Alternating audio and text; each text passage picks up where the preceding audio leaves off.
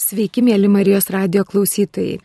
Šiandien šeimo žydinio laidoje mes kalbamės negimusio kūdikio dienos proga. Jie artėja rytoj, lapkričio 23. Lapkričio 23 minėti pasirinkta kaip negimusio kūdikio diena todėl, kad 1955 metais Sovietų sąjungos dėka sveikatos ministras įteisino abortus šitą dieną. Na ir šitoje laidoje svečiuojasi Svetlana Adler Mikulėninė iš Kauno klinikų, dvasinė asistentė. Sveiki. Sveiki. Ir kunigas Kestutis Rugevičius iš Kauno prisikėlimo bažnyčios. Sveiki. Šiandien aš noriu pasikalbėti apie negimusių kūdikių laidojimą. Ir kai aš galvoju apie tokius mažus kūdikėlius, tai pagalvoju ir apie tai, kad tos laidotuvės Lietuvoje kažkaip apskritai sutrumpėjo dėl įvairiausių priežasčių. Gal ir dėl laiko stokos, ir dėl finansų stokos, o gal ir dėl to, kad mes greičiau su tais jausmais susidorojam, greičiau atsisveikinam, nežinau. Bet vis sunkiau darosi rasti laiko nukeliauti ir į laidotuvės. Ir kai pagalvoju apie tokio mažiuko vaikiuko laidotuvės, tai kažkaip atrodo kartais, nu ar čia reikia taip sureikšminti, ar reikia čia taip gedėti, ar čia iš tikrųjų tokia didelė bėda. Ir aš žinau, kad nuo 2017 metų pasikeitė įstatymai ir negimę kūdikiai nebėra traktuojami kaip medicininė atlieka. Ir aš žinau, kad jūs, kunigė Kestuti, ir jūs, Svetlana, susidūrėt su tėvais, kurie, ypač su mamomis, manau, kurie neteko mažų kūdikėlių iki 22 gal savaitės ar iki gimimo. Ar jūs galite pasakyti, kaip iš arti atrodo tas mūsų įsivaizdavimas, kad gal čia nereikia sureikšminti, o kaip jūsų akimis, kai jūs susidurėte iš arčiau su tomis mamomis? Svetlana. Pradėsiu gal nuo to, kad turbūt kiekvieną savaitę tikrai susiduriu su tokiom mamom, o kartais ir dažniau. Ir va šiandien ryte turėjau dvi mamas. Ir iš tikrųjų šita netektis, bet kokiu atveju jinai yra netektis. Ir didžiulė netektis. Ir pirmas dalykas tai yra netikėtumas, antras dalykas tai yra viltis prarandama, bet yra aišku situacijų, kada moteris apsisprendžia dėl vienokių ar kitokių priežasčių ir dažniausiai tai yra medicininiai patarimai, kada yra apsigimimai, nes tikrai šiai dienai Dauno sindromo vaikučių gimsta labai mažai, būtent dėl to, kad galima pagal medicininės indikacijas skatinti persileidimą. Ir moteris, kurios neturi palaikymo, neturi tvirto moralinio pagrindo, jos iš tikrųjų pasirenka lengvesnį taip vadinamą kelią, bet kartais, kai pasižiūrim, jisai ne visada būna tikrai lengvesnis. Ir šiuo atveju moteris tampa mamomis, nes jos pagimdo. Jos pagimdo ir išeina tuščios. Tai mama be vaiko tai yra labai sunkus išgyvenimas. Taip, iš tiesų, kiekviena netektis yra netektis, o kaip kiekvienas žmogus individualiai jį išgyvena tą netektį. Čia turbūt kiekvieno istorija ir kiekvieno patirtis, kiekvienos šeimos ar kiekvienos mamos patirtis. Yra šeimų, yra mamų, kurios nori turėti kapelį ir laidoja savo vaikus negimusius. Tai jiems taip pat yra toks pat šventas dalykas. Kiti net nenori prisiminti arba nenori net prisiliesti, nenori nieko bendro turėti su tuo. Bet žaizda ir skausmas visuomet lieka ir tie, kas gali padėti, kas gali užjausti, žmogaus atjauta, kito žmogaus buvimas, padrasinimas, ypač artimųjų ar bendruomenės žmonių buvimas visuomet yra gydantis. Mes esame socialinės būtybės ir kai mama laukėsi kūdikio, galvoja, svajoja apie jį. Ir jeigu kažkas įvyksta tame kelyje, nenumatyta, tai visuomet yra didžiulis išgyvenimas ir skausmas. Tenka susidurti taip pat ir su mamomis, kurios vienaip ar kitaip atsisakė arba neišvydo savo vaikų ir tą skausmą jūs kartais nešiuosi dešimtmečiais. Ir tikrai reikalingas tas suvokimas, atleidimas savo, gydimo visas procesas, kėdėjimo dar kartą procesas, kad žmogus išeitų, suvoktų visą tą, tai kas įvyko ir mokėtų ir galėtų gyventi toliau. Kai jūs kalbat, yra tikrai aišku, kad nepaisant kokio amžiaus tas žmogus, kelių dienų, kelių mėnesių, dar motinos iščiose miręs, mes visi suprantam, jau užaugęs visada yra sudėtinga su juo atsisveikinti, o neštumo metu aš galvoju, kad ne tik tai mamai yra šokas, bet ir visiems artimiesiam, nes visi natūraliai laukiame, kol gims vaikelis ir staiga sužinai, visada yra staiga sužinai, kad tu nebesilauki. Ir man labai yra įdomu, Svetlana, ką jūs klinikose pasiūlot. Gerai paminėjot, kad šiandien susitikote su dviem mamomis, kurios vat, nebesusilaukė to vaikelio, mirė vaikeliai. Tai ką jūs pasiūlot klinikose? Kokia pagalba? Iš tikrųjų, holistinis požiūris į žmogų arba į pacientą orientuotas požiūris, tai vat, klinikos stengiasi įgyvendinti šitą požiūrį ir tokiu atveju turi dirbti komanda komandinis darbas. Aišku, jisai ne visą laiką mums pavyksta, bet labai džiaugiamės, kad turime tokiu atveju, kai susidirbam. Ir medikai dirba savo darbą. Slaugytojai, slaugos padėjėjai, socialinis darbuotojas. Iš tikrųjų labai gaila, bet socialinių darbuotojų tikrai gydymo įstaigose yra per mažai.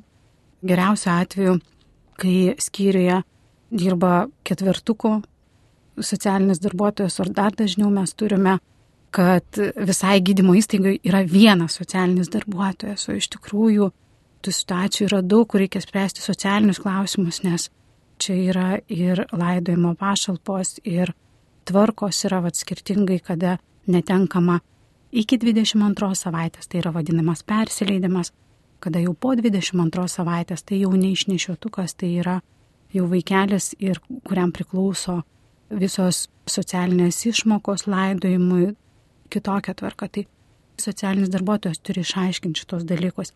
Taip pat komandoje yra psichologas. Irgi nemedicininės paslaugos gydymo įstaigose tai yra silpnoji grandis, bet psichologo tikrai dažnai reikia.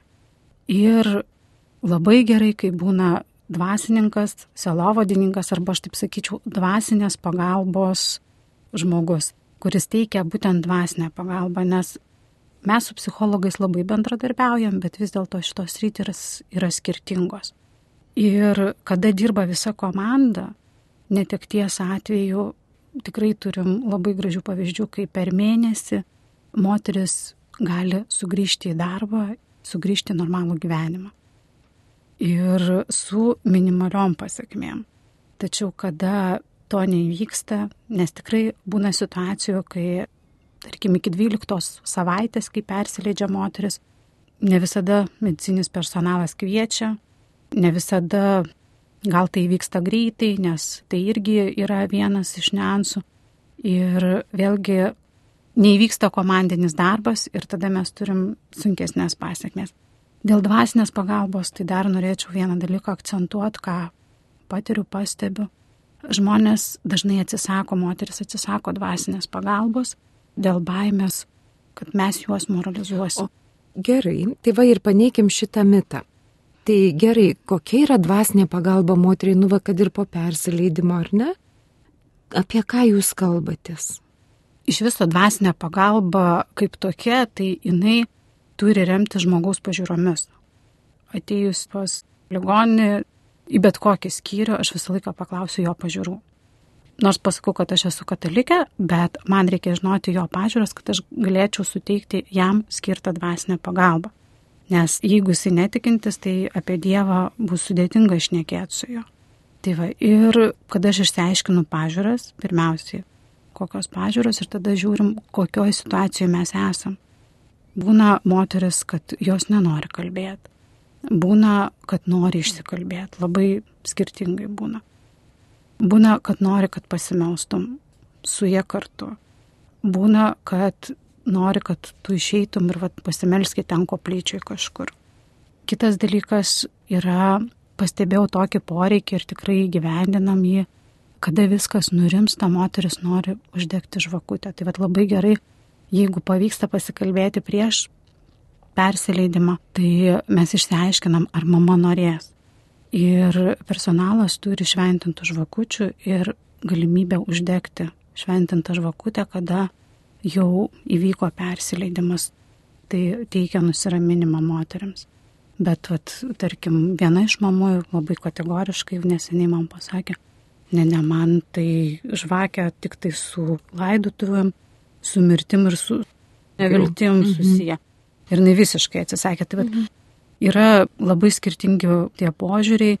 Aišku, per pokalbį tu įsiaiškinę, kokios problemos, aiškinamės, ar palaiko šeimą, aiškinamės, ar turi vaikų, nes gedėjimo procese dalyvauja visi artimieji ir skirtinga pagalba yra reikalinga, kartais tenka pasišnekėti ir su teveliu, kartais tenka pakonsultuoti ir mes kartu su psichologė kartais tai akcentuojam, kaip kalbėti su vaikais, galbūt apie mirtį, nes jeigu vaikas irgi laukia, tai jis irgi gėdės ir kaip taip daryti.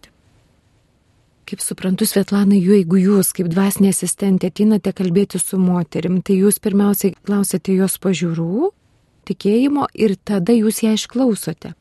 Tiesiog išklausote ir tada žiūrite, gal tas pakryps link bendros maldos, gal tas pakryps nuo to, kad jūs melsitės už ją, gal tai pakryps, kad jūs kalbėsitės ir su vyru. Ir tada tas pokalbis toks yra bendražmogiškas, ar tik apie Dievą? Ne, tikrai ne tik apie Dievą, nes dažniausiai Dievas būna šalia, bet jo įvardinimas, jisai kažkaip tai šiandien turbūt gal vieną kartą ir nuskambėjo visam pokalbį. Tai ta prasme, kad mes visą laiką jaučiam galbūt tą Dievo buvimą. Būna, kad ir komuniją aš atnešu ir tokiu būdu mes Dievą išgyvenam, bet kalbėtis apie Dievą, tai dažniausiai viename klausime tai būna. Aš visą laiką paklausiu, ar pyksta ant Dievo, jeigu žmogus tikintis. Nes mūsų kultūra yra toks dalykas, kad negalima pykti ant Dievo. Taip. Ir tai yra dažnas atsakymas, kurį aš girdžiu, kad negalima pykti ant Dievo. Ir kada žmonės išgirsta, kad galima, tada mes žiūrime, kad vis dėlto tai yra emocija ir ją reikia išgyventi ir pasižiūrėti, kame tas reikalas, tai Aš suprantu, kad gedi mama, gedi tėtis, gedi vaikai, gedi seneliai, gedi medicinos personalas iš tikrųjų. Ir va tas piktis ant Dievo, kunigė kestuti, patvirtinkit.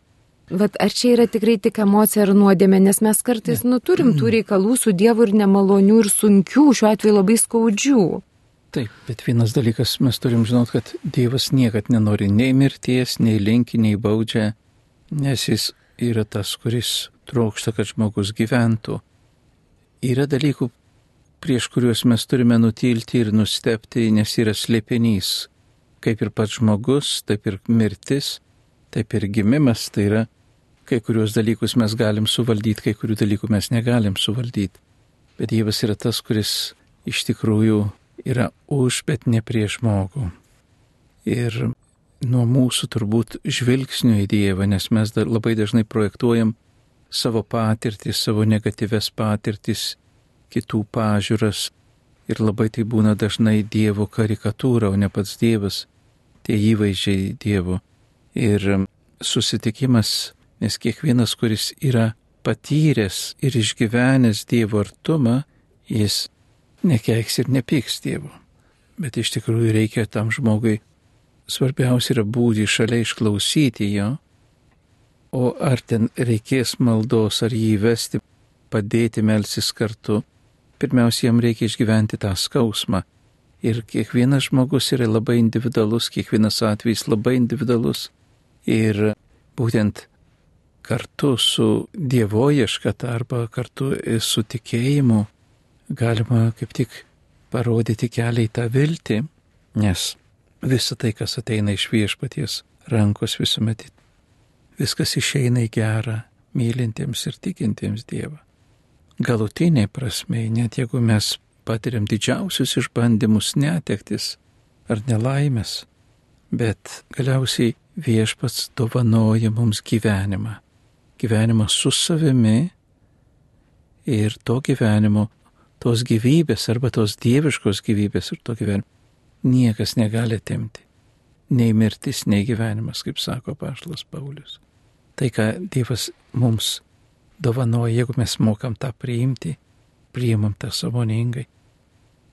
O mūsų jausmai, emocijos gali būti skirtingos, kaip ir mes ant labai mylimų žmonių kartais ir pakeliam balsą ir supykstam ir galbūt net tokiais kartais necenzūrinis žodis, koks jis prūsta, bet mes tą žmogų mylim ir tai yra emocija, kuri, žinai, tam apsvaigimui praėjus visiškai pasirodo kitoj šviesoje ir tai yra normalu, natūralu.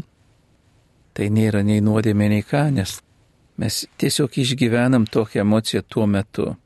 O kai ta emocija įsikrauna, mes galim pamatyti iš tikrųjų, kad viešpats yra kartu su mumis mūsų skausme ir kartu pergyvena.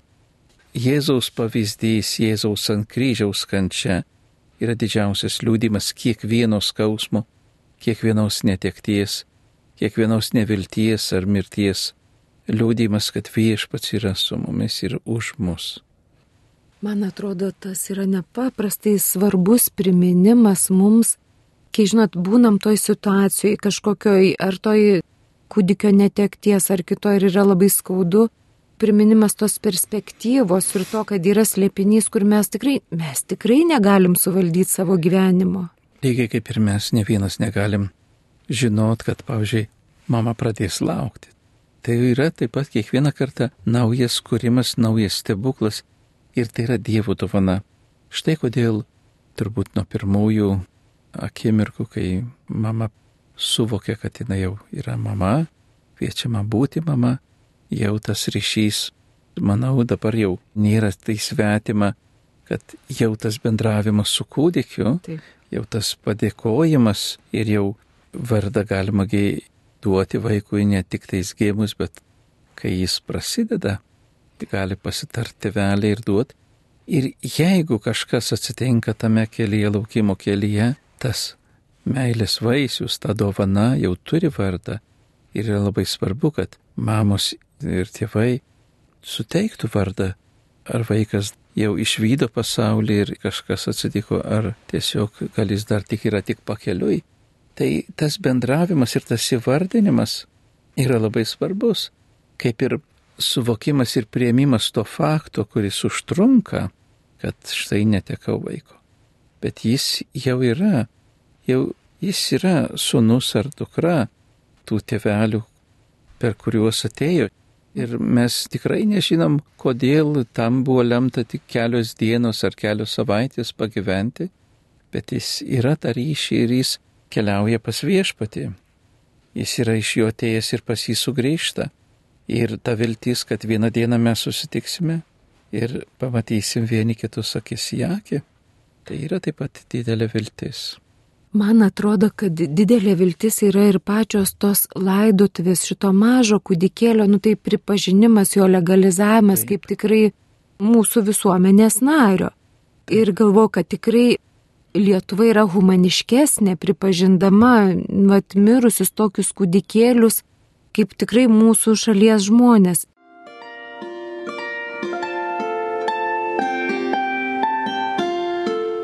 Jūs girdite Marijos radiją.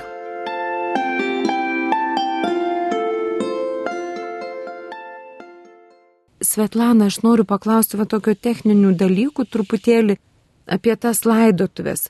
Gal galit papasakoti apie kapus, kur laidojami tie kūdikiai ir, kaip minėjot, va, gali būti mama, kad nenori, ar ten ta šeima nenori to kūdikėlio, nei matyti, nei prisimti toks skausmas užplūsta ar baime. Ir kas tada su tais kūdikiais? Gal galit patikslinti klausytojams? Pirmiausiai, tai įstatymas leidžia pasiimti vaikelį arba palikti. Apsisprendimo laisvė yra. Tai nuo 18 metų vienas iš tevelių turi užpildyti prašymą. Čia irgi yra tam tikri niuansai. Labai kreipiuosi į vyrus, kad jie būtų atviresni savo žmonoms ir tikrai išgirstų jų kvietimą arba jų norą, nes būna situacijų, kada ateinu į palatą, paklausiu, ar laidosit ir vyras pasako, mes nusprendėm, kad neimsim, o moteris nusisuka ir verkia. Ir iš tikrųjų tokioje situacijoje stengiuosi pasikviesti vyrą pokalbiui, nes atsimenu pirmą kartą, kai neišdrįsau to padaryti ir buvo labai sunku. Labai ilgai prisiminiau tą mamą. Ir dabar jau drįstu pasikviesti pokalbiui ir pasižiūrėti, ar iš tikrųjų, ir tada su abiem pašnekėti, ar iš tikrųjų tai yra jų abiejų sprendimas, ar vis dėlto. Ir dažniau tai yra susijęs su finansiniais klausimais, nes vaikelio iki 22 savaitės socialinė tokia pusė yra išspręsta taip, kad suteikiama tik tai neatlygintinai kapavietė. Kadangi yra jisai toks mažiukas, laikoma, kad to finansinė našta šeimai turėtų būti nedidelė ir jie gali pasilaidoti savo lėšomis, tai yra arba šeimos kape, arba gauti kapavietę pagal savo gyvenamą vietą neatlygintinai. Tačiau dažnas šiais laikais nori kremuoti. O kremavimas kainuoja. Kremavimas kainuoja ir iš tikrųjų turiu šiandien džiugę žinę, nes su Lietuvos krematoriumu kalbėjom ir jau išsiųstas kreipimasis ir laiškas ir jie žadėjo tikrai tai atsižvelgti su argumentais, kad jie yra mažiukai ir kad neužilgo turėtų atsirasti atskira eilutė krematoriumo paslaugų kainorištyje iki 22 savaitės, kad kaina tikrai bus sumažinta, nežinau kiek, bet tai bus prieinamesnė kaina. Ir žmonėm, kurie žino apie persileidimą arba apie vaikučio netekti savo aplinkoje, tai labai raginu būtent pažiūrėti šitą pusę.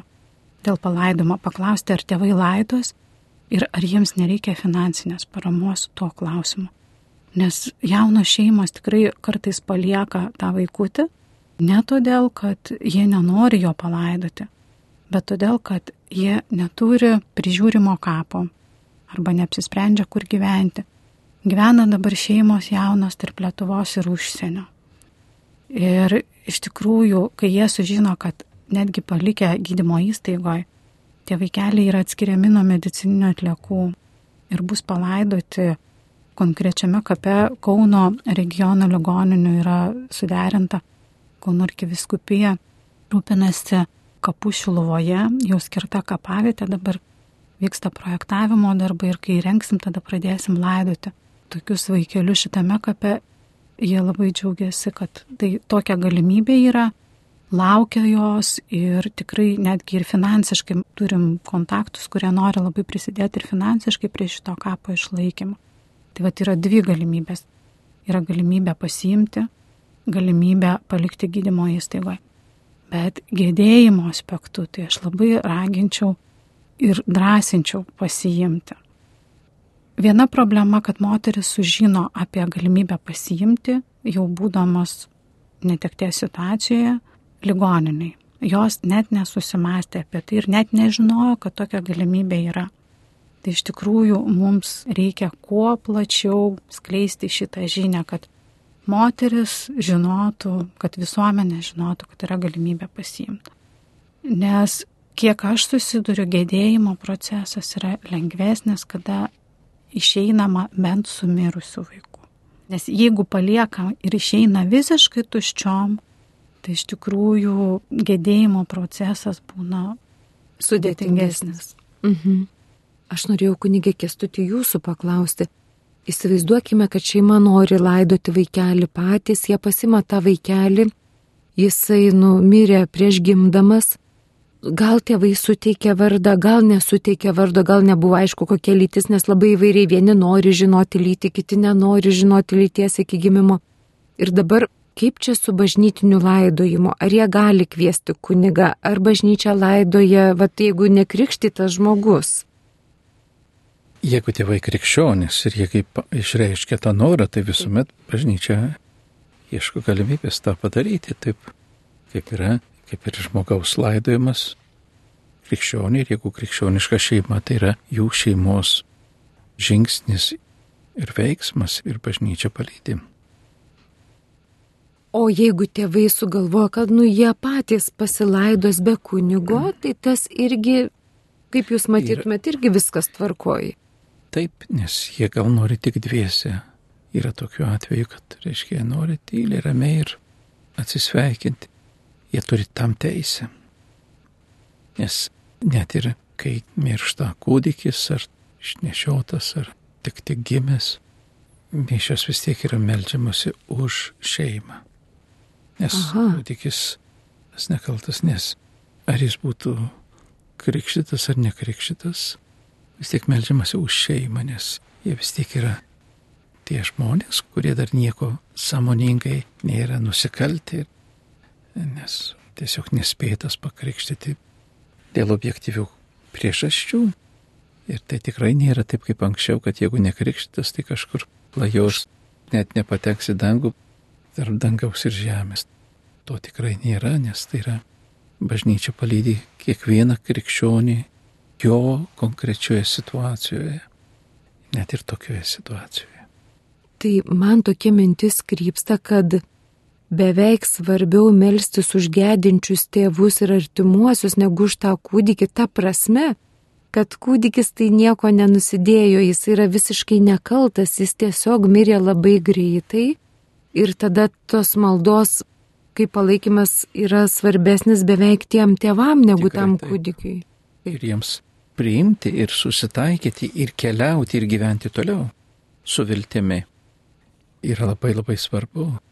Atleidžiant ir priimant visas tas aplinkybės ir leidžiant, kad viešpas išgydytų tą žaizdą, tą netekties žaizdą, kurią išgyvena tėvai. Tai vis tik mes pripažįstam tą mintį, kad net ir tokio labai mažo vaikučio netektis yra netektis ir kartais dar ir skaudesnė, nes artimieji kartais sako, tai bus tų vaikų. Moteris ir kiekvienas tėtis turbūt išgyvena labai asmeniškai ir labai unikaliai.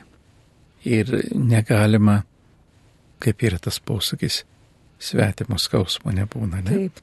Tas tikras žmogiškumas arba tikra meilė reikalauja iš tikrųjų gerbti tų žmonių kelią, kelionę, išgyvenimus, jausmus ir niekad nesuniveliuoti, niekad nesuštabeliuoti kaip nors arba kokios priklijuoti etiketės. Tas čia, tas čia, nas. O kunigė kestuti, kremavimui bažnyčia pritarė ar ne, kaip čia yra požiūris koks. Turbūt yra skirtingi požiūriai, pageidauja pagerbti žmogaus kūną, kūną kaip krikštito žmogaus. Kūnas yra šventovė, šventosios dvasios. Net jeigu ir nepakrikštytas kūdikėlis, čia yra tėvų pasirinkimas, kadangi šiais laikais šita tendencija yra stiprėjanti. Ar tu ten tokius argumentus pateiksi ar kitus, nesustabdys šito judėjimo, taip kad tiesiog išlaikyti pagarbą. Palaidojimas ir yra kaip tik tas pagarbos ženklas.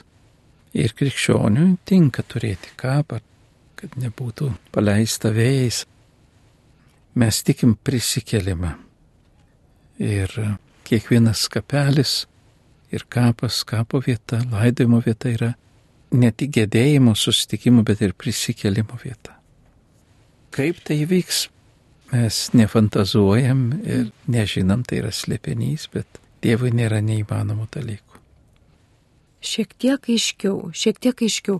Aš norėjau Svetlana dar paklausti, abi mes atsinešėm čia po knygą tokią, didesnio skausmo nebūna.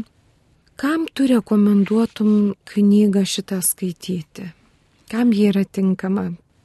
Šiaip tai tinkama jinai visiems, nes mes turėjom ir susitikimą su Kauno pirmojo dekanato kunigais ir aš šitą knygą dovanojau ir jiems. Iš tikrųjų, čia yra surinkti skirtingų sričių autoriai ir čia yra parašyta, kad autorės visos moteris, taip oficialiai mes visos moteris, bet vis dėlto dvasinę dalį tai rašėm kartu su vienu iš klinikų kapelionų, kunigas Nerius Pipiras, jisai tikrai prisideda ir vienas turbūt aktyviausių šitoj srityje irgi yra. Ir kaip būna situacijos, kada, tarkim, netgi parapijų kunigai, dar turime tokiu atveju, labai gaila atsisako laidoti mažiuką, kuris nepakrikštytas, tai kartais vienas iš tokių vat, aktyvių kapelionų, tai jisai palaidoja. Štai čia medicininiai aspektai yra tiem, kurie nori suprasti, kas vyksta kūno lygmenyje. Psichologija labai plačiai paaiškina, kaip padėti ir ką išgyvena ir kokiamis priemonėmis pačiom savo padėti, arba galbūt artimieji. Taip pat yra socialinė sritis, kur yra įstatymai, visos pašalpos, viskas išaiškinta šitoje srity. Taip pat mūsų dvasinės pagalbos sritis. Tai vad, sakau, vienas iš tokių projektų, kuris vad ir fiziškai yra išėjęs, tačiau jeigu susirasit internetinį tinklalapį kūdikio netektis LT, kurio iniciatorė yra psichologė Kristina Navickienė, tai parašius jai galima gauti elektroninę šios knygos versiją ir susipažinti, paskaityti ir gauti tikrai naudingos informacijos apie labai skausmingą, bet viltingą dalyką. Ir čia, aišku, labai gausiai yra pateikta pavyzdžių, kaip moteris išgyveno, kaip pradėjo naują gyvenimą, kokios buvo patirtis. Tai iš tikrųjų labai didelė pagoda tom, kurios tik tais įžengė šitą sunkę situaciją. Taigi knyga Didesnio skausmo nebūna, kurios sudarytoja yra psichologija Kristina Navickienė. Jūs galite rasti kūdikio netektis tinklalapyje, tai yra kontaktuose susisiekę, galėtumėte ko gero gauti elektroninę versiją. Aš tikrai žinau, kad šitų knygų dar yra Kauno arkiviskupijos šeimos centre ir tikrai galima ieškoti pagalbos, galbūt ją gausite Kauno klinikose, galbūt kitose gydymo įstaigose. Taip pat Kauno krizinio neštumo programoje arba kūdikio netektis tinklalapyje susisiekia su psichologija Kristina Navickienė padedu aukti, žinau, kad padeda suorganizuoti į kapėlės mažiems kūdikėliams, kurias vėl tokiu netikėtų momentų yra nelengva rasti. Ir baigiant šitą laidą, kurioje svečiuojasi Svetlana Adler Mikulėninė iš Kauno klinikų ir kunigas Kestutis Rugevičius iš Kauno prisikelimo bažnyčios, aš noriu vat, jūsų dar paklausti, ką jūs palinkėtumėt gedintiems tėvams, ir taip pat medikams, kurie tikrai irgi neša didžiulę naštą, kai jiem reikia išbūti toje situacijoje, priimti negyvus kūdikius. Koks būtų jūsų padrasinimas, palinkėjimas? Jokių būdų nepulti į neviltį ir nusiminimą. Pavyzdžiui, kad ir tiems gydytojams, kurie tikrai kovoja, vilėsi ir stengiasi, nes jų tas darbas ir iš tikrųjų jų prisilietimas prie pačių mažiausių, prie pačių jautriausių, iš tikrųjų linkėčiau, kad palidėtų malda ir viltimi ir gydytojai, ir gydytojos, ir tie, kurie išgyvena, kurie yra šalia tuo momentu, ir kai tik mamos, kurios galės kreipti savo žvilgsnį ir širdį į viešpatį, kad tiesiog atiduotų viešpačiui kartu, atiduodamus ir kūdikį, atiduotų ir tą ryšį ir, ir išliktų viltyje viešpatie, tu davėjai, tau gražinu ir viešpatie aš esu atvira tam, kaip tu mane vesi per gyvenimą, nes tavo vedimas ir tavo buvimas šalia visuomet yra daugiau negu galiu įsivaizduoti ir apriepti. Aš tikrai linkiu jums visoms atrasti tą gyvą, nusilenkti slėpiniui ir kartu jį priimti į savo širdis, į savo gyvenimus. Nes viešpats yra tas, kuris dovanoja mums gyvenimą, savo draugystę, savo gyvybę, savo buvimą su mumis, kas betsitiktų. Ir tai yra didžiausia viltis, kurios galėčiau palinkėti mums visiems. Ačiū labai, Svetlana. Tikrai prisidedu prie visų išsakytų kunigo žodžių ir tik tai galiu pasakyti, kad dažnai girdžiu iš mamų tokius žodžius, aš visada jį mylėsiu. Tai vad, nebijokim visada mylėti vieni kitus, nebijokim mylėti to, ko netenkame, o meilė juk yra ryšys ir nesvarbu, ar mes turime fiziškai čia ir dabar savo saujai ar neturime, bet ryšys visą laiką išlieka. O aš palinkėčiau skleisti žinę, kad negimusius, va, ar gimusius persileidimo būdu jau negyvus kūdikius mes galime laidoti, jau yra taisyklės, yra įstatymai. Jeigu jums kas nors neaišku, būtinai paskambinkite į Kauno arkiviskupijos šeimos centrą ir tikrai atsiras, kas jums pasakys tikslesnę informaciją. O gydymo įstaigose ieškokite dvasinių asistentų, ieškokite socialinių darbuotojų, ieškokite psichologų, klauskite medikų ir tikrai jum kažkas atsakys ir sustiprins. Labai ačiū svečiams už dalyvavimą laidoje ir atsisveikiname su klausytojais. Sudė. Sudė. Sudė.